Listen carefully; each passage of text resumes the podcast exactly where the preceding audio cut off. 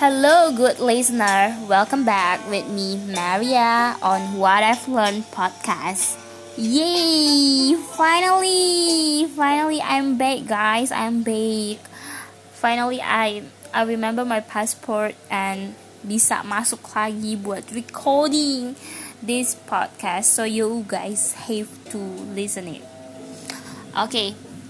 Jadi hari ini mungkin topiknya random banget ya uh, sebenarnya gue nggak punya sesuatu yang khusus untuk gue ceritain tapi di sini mungkin uh, gue mau cerita sama sharing aja sih tentang ya perjalanan gue di tahun ini gitu. Dari awal gue lulus oke okay, guys? Oh ya yeah. uh, anyway gue awal recording podcast ini dari gue waktu skripsi ya. Dan ini sekarang gue udah lulus so kalian harus memberikan uh, selamat untuk aku karena sekarang gue udah lulus. I'm a graduation uh, ya yeah, graduation student. Aku udah graduate from my campus. Goodbye. Ini apa mahasiswa life. Nah oke. Okay Uh, jadi uh, gue mau sharing ya. Let's get started. Kita mulai ceritanya Teman-teman jadi ke uh, tanggal 23 Januari lalu itu gue lulus sidang uh, skripsi Gue lulus sidang skripsi puji Tuhan dengan lancar Even waktu sebelum sidang gue nervous banget Karena gue itu peserta terakhir di hari terakhir skripsi HI gitu hari terakhir sidang skripsi HI. Nah, uh, setelah selesai sidang itu uh, kita dikasih waktu satu minggu revisi. Revisian gue lumayan, lumayan, ya lumayan banyak juga sih gitu. Nah, tapi setelah gue selesai sidang itu gue liburan dulu. Gue liburan sama teman-teman gue itu seharian bener-bener seharian kita uh, di cafe di kafe di daerah Jaksel juga masih Jaksel. Kita ke kafe terus sampai kafenya tutup itu tengah malam jam 12 baru kita balik. Kita balik ke uh, McD Gardu di LA juga. Nah kita balik ke McD Gardu kita di McD itu sampai pagi jam 5an gitu.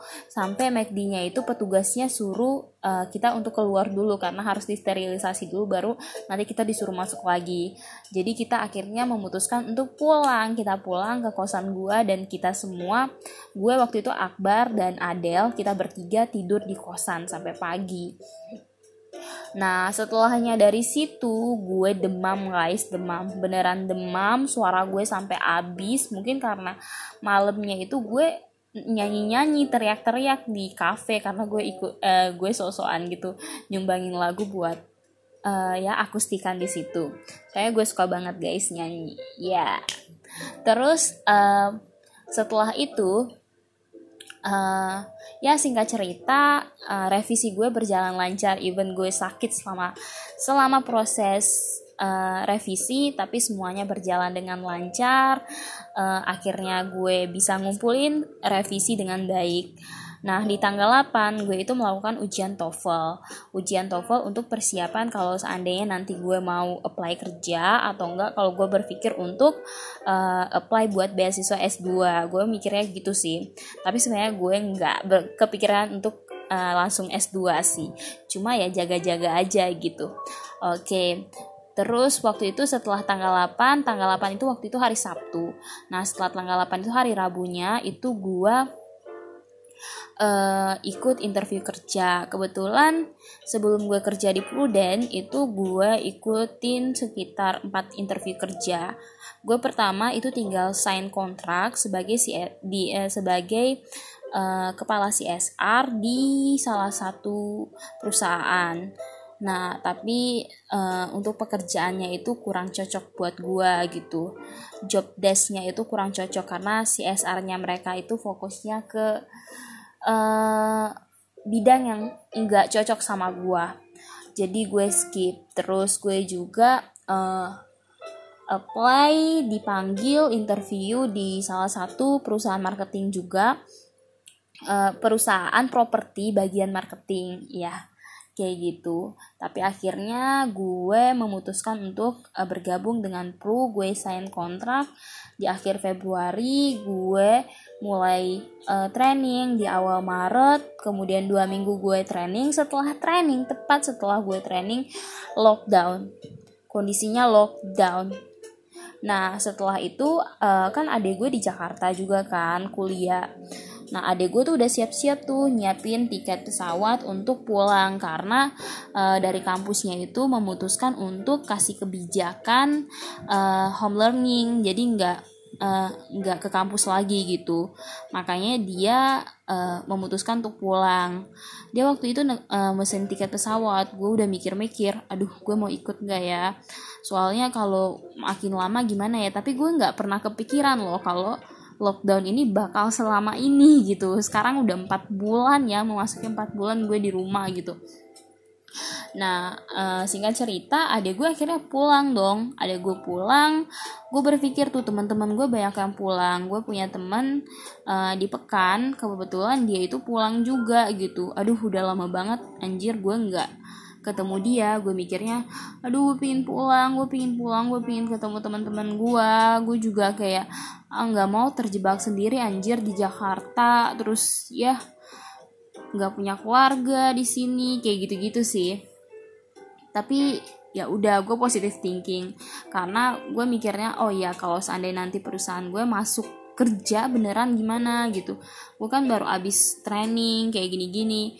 Nah akhirnya gue menetap tuh di di Jakarta. Gue menetap uh, setelah itu sekitar ya tanggal 24 April kan si Anis uh, netapin PSBB sebenarnya sebelumnya itu gue udah mau mutusin untuk pulang tapi masalahnya tuh ya tadi gue ragu-ragu. Tapi gue berpikir bahwa uh, Tuhan me membatalkan rencana gue untuk pulang pasti ada alasannya ya. Uh, karena ya gue memang kangen gini guys. Kalau banyak juga yang nanya kayak lu nggak kangen rumah apa mar? Lu nggak kangen ini apa mar? Lu kok jarang pulang sih mar? Lu kok gini gini gini gini kayak bla bla bla banyak banget gitu. Tapi uh, gue juga anaknya itu kan uh, suka kurang nyaman ya kalau berada di lingkungan di mana itu terlalu banyak masalah. Gue itu karena mungkin gue anak perempuan satu-satunya nyokap itu sering banget cerita masalah ke gue. Apalagi kalau masalah itu menyangkut anak cowoknya dia gitu.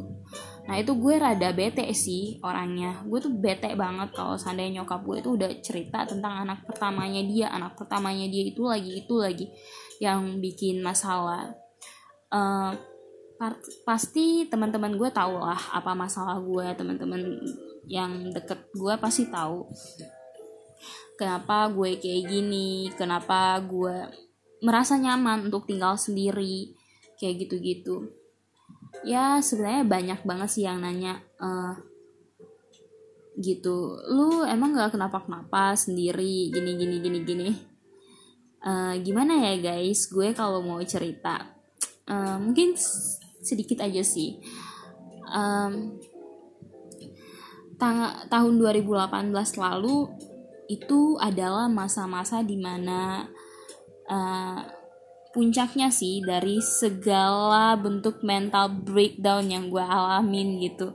Karena memang family problems is apa ya is a is a huge things that uh, affected your mental health gitu maksudnya uh, sebenarnya bener loh kata orang kalau anak broken home itu jadi nakal kayak gitu-gitu karena memang keluarga itu kadang yang paling toksik buat masalah mental kita gitu. Uh, I'm not saying that I don't love my family, but but yeah, I have to admit that. I mean, gue cinta banget sama keluarga gue gitu, cinta banget gitu tapi sometimes and somehow gue sangat membenci semua masalah yang ada gitu. Kayak dulu waktu 2018 itu abang gue bikin masalah. Akhirnya apa? Nyokap gue tuh kerjaannya nangis mulu guys. Kerjaan nyokap gue tuh nangis nangis nangis nangis nangis nangis mulu. Kayak kayak bahkan waktu kemarin tahun 2019 Desember itu Natal gue pulang ya. Selama 10 hari di rumah gue terus Natalan. Nyokap gue tuh nangis mulu karena anaknya dia yang cowok ini makanya gue juga mungkin ini untuk anak-anak cowok ya. Buat kalian yang sayang banget sama nyokap kalian sekarang terus kalian kayak kasih perhatian banyak banget ke nyokap kalian kalian bilang aduh my mom is my number one angel gitu. Oh apa atau apa ya kayak mamaku adalah cinta pertamaku or something just like that. You guys have to pegang erat-erat kata-kata kalian itu ya guys. Karena itu membosankan kalau nanti kalian bikin masalah. Uh, mungkin ini gue agak emosi ya karena personal problems gitu. Uh, abang gue tuh dulu kayak gitu gitu. Kayak gitu maksudnya dia cowok yang kayak sayang banget ke nyokapnya tapi waktu dia udah jatuh cinta sama cewek itu dia bener-bener kurang ajar banget sama nyokapnya nyokap gue tuh dulu nggak deket banget sama gue. Gue selalu iri sama abang gue.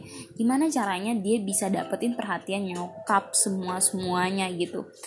Nyok, abang gue itu suka bikin masalah abang gue nggak pinter abang gue males abang gue ya segala macem lah. Tapi nyokap tuh selalu ngebelain dia selalu jadiin dia prioritas utama selalu menomorsatukan dia. Nah setelahnya itu sementara gue gue itu orangnya suka memberontak.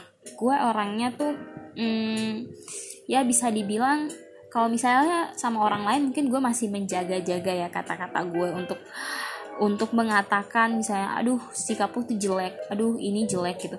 Tapi kalau gue di rumah gue tuh bener-bener jadi orang yang sangat ya udah ngomong apa adanya kayak kelakuan gue tuh bener-bener ya gue sebenarnya gitu memang benar sih rumah itu salah satu tempat di mana ya lo menjadi diri lo sendiri dan orang lain menerima gitu. Menurut gue gitu sih. Dan uh, gue itu jadi anak yang suka ya gue suka ngomong gitu suka berkomentar kayak uh, nyokap tuh terlalu manjain deh si anaknya abang gue itu. Uh, nah terlalu manjain terlalu gini gue sering banget tuh marah-marah gak jelas gitu sama nyokap gara-gara dia terlalu bela-belain abang gue mulu kalau bikin masalah. Karena nyokap gue itu dia disiplin banget gitu membentuk karakter gue. Kayak gue harus jadi anak pinter gue jadi harus harus jadi anak penurut gue harus uh, jadi anak yang rajin. Gue tuh bahkan gak bisa kayak teman-teman gue yang kayak misalnya teman-teman gue menghabiskan waktunya untuk waktu-waktu masa remaja mereka kayak SMP SMA kayak gitu untuk jatuh cinta untuk bersenang-senang. Gue kerjaannya belajar kayak harus jadi anak yang patuh di rumah kayak gitu-gitu. Udah gitu abang gue yang sekarang suka kerjaannya bikin masalah. Dulu tuh sok-sok posesif gitu sama gue jadi kayak gue ilfeel banget sumpah sama dia uh, gue bilang kayak gini bukan berarti gue benci ya sama dia. Ya ngapain juga ya benci sama orang? Buat gue membenci orang itu adalah hal yang merugikan diri kita sendiri. Tapi jujur gue ilfeel banget sama cowok-cowok kayak gitu. Jadi gue tuh sekarang kayak males aja gitu. Kalau dengerin cowok ngomong aduh bullshit loh ngomongin ini gitu.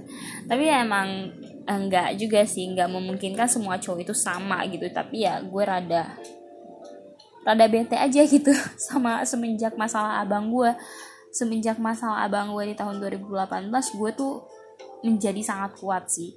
Gue ambil positif positifnya itu dari masalah itu adalah gue menjadi kuat gitu.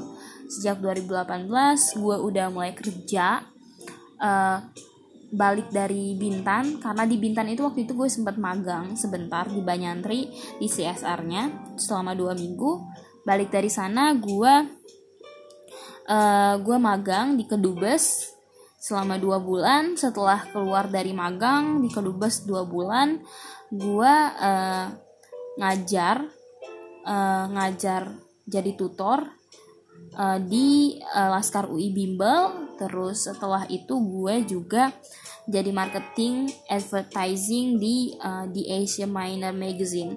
Nah dari situ gue belajar banyak hal sih.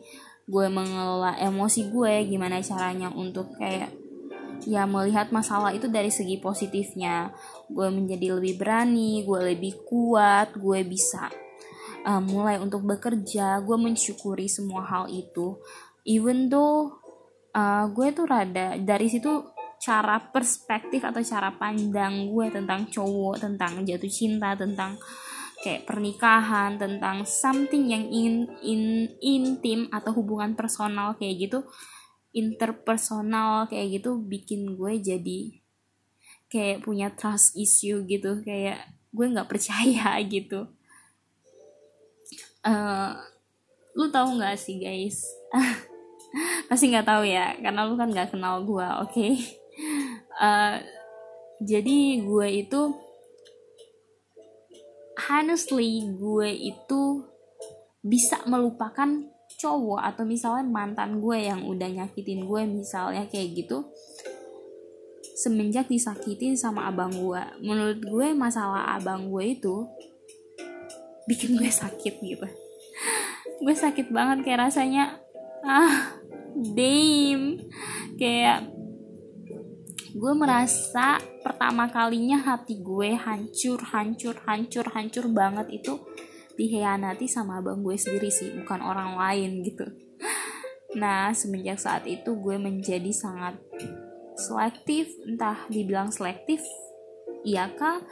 Gue menjadi sangat hmm, menyebalkan gitu kadang-kadang dan sangat rasional gue sangat kayak careless kayak gue loveless lonely is it? No. Seperti itu guys. Jadi kayak moral message-nya what what I've learned from this kind of story is that hmm, apa selalu lihat segala sesuatu even there is a problem itu dari positive side. Uh, gue melihat bahwa semua masalah yang gue lewatin yang gue hadapi sekarang buat gue jadi orang yang lebih dewasa respect sama diri gue sendiri. Dari gue respect sama diri gue sendiri gue bisa respect sama orang lain. Gue bisa respect sama teman-teman gue gitu. Gue bisa berpikir bahwa uh, yang terpenting itu buat bukan seberapa banyak orang lain menyukai lu tapi seberapa banyak dulu lu menyukai diri lu sendiri. Kalau lu udah mulai itu dari diri lu sendiri orang lain akan mengikuti kok. So uh, sebenarnya kalau apa yang orang lain lakuin ke kita itu adalah re refleksi bagaimana kita memperlakukan diri kita sendiri. Uh, nah makanya gue dengan pemikiran seperti itu uh, gue bisa ngerasa oke okay, my life is not too bad to live with it. Jadi kayak ya chill out. Life is good God is good and ini tuh nggak forever gitu. Ini cuma sementara. That's it. Ah Oke okay guys, aku pikir ini sudah lama sekali aku berbicara. So now I have to go. And thank you so much for listening. Um don't don't be tired to waiting. ya ya ya, just like that.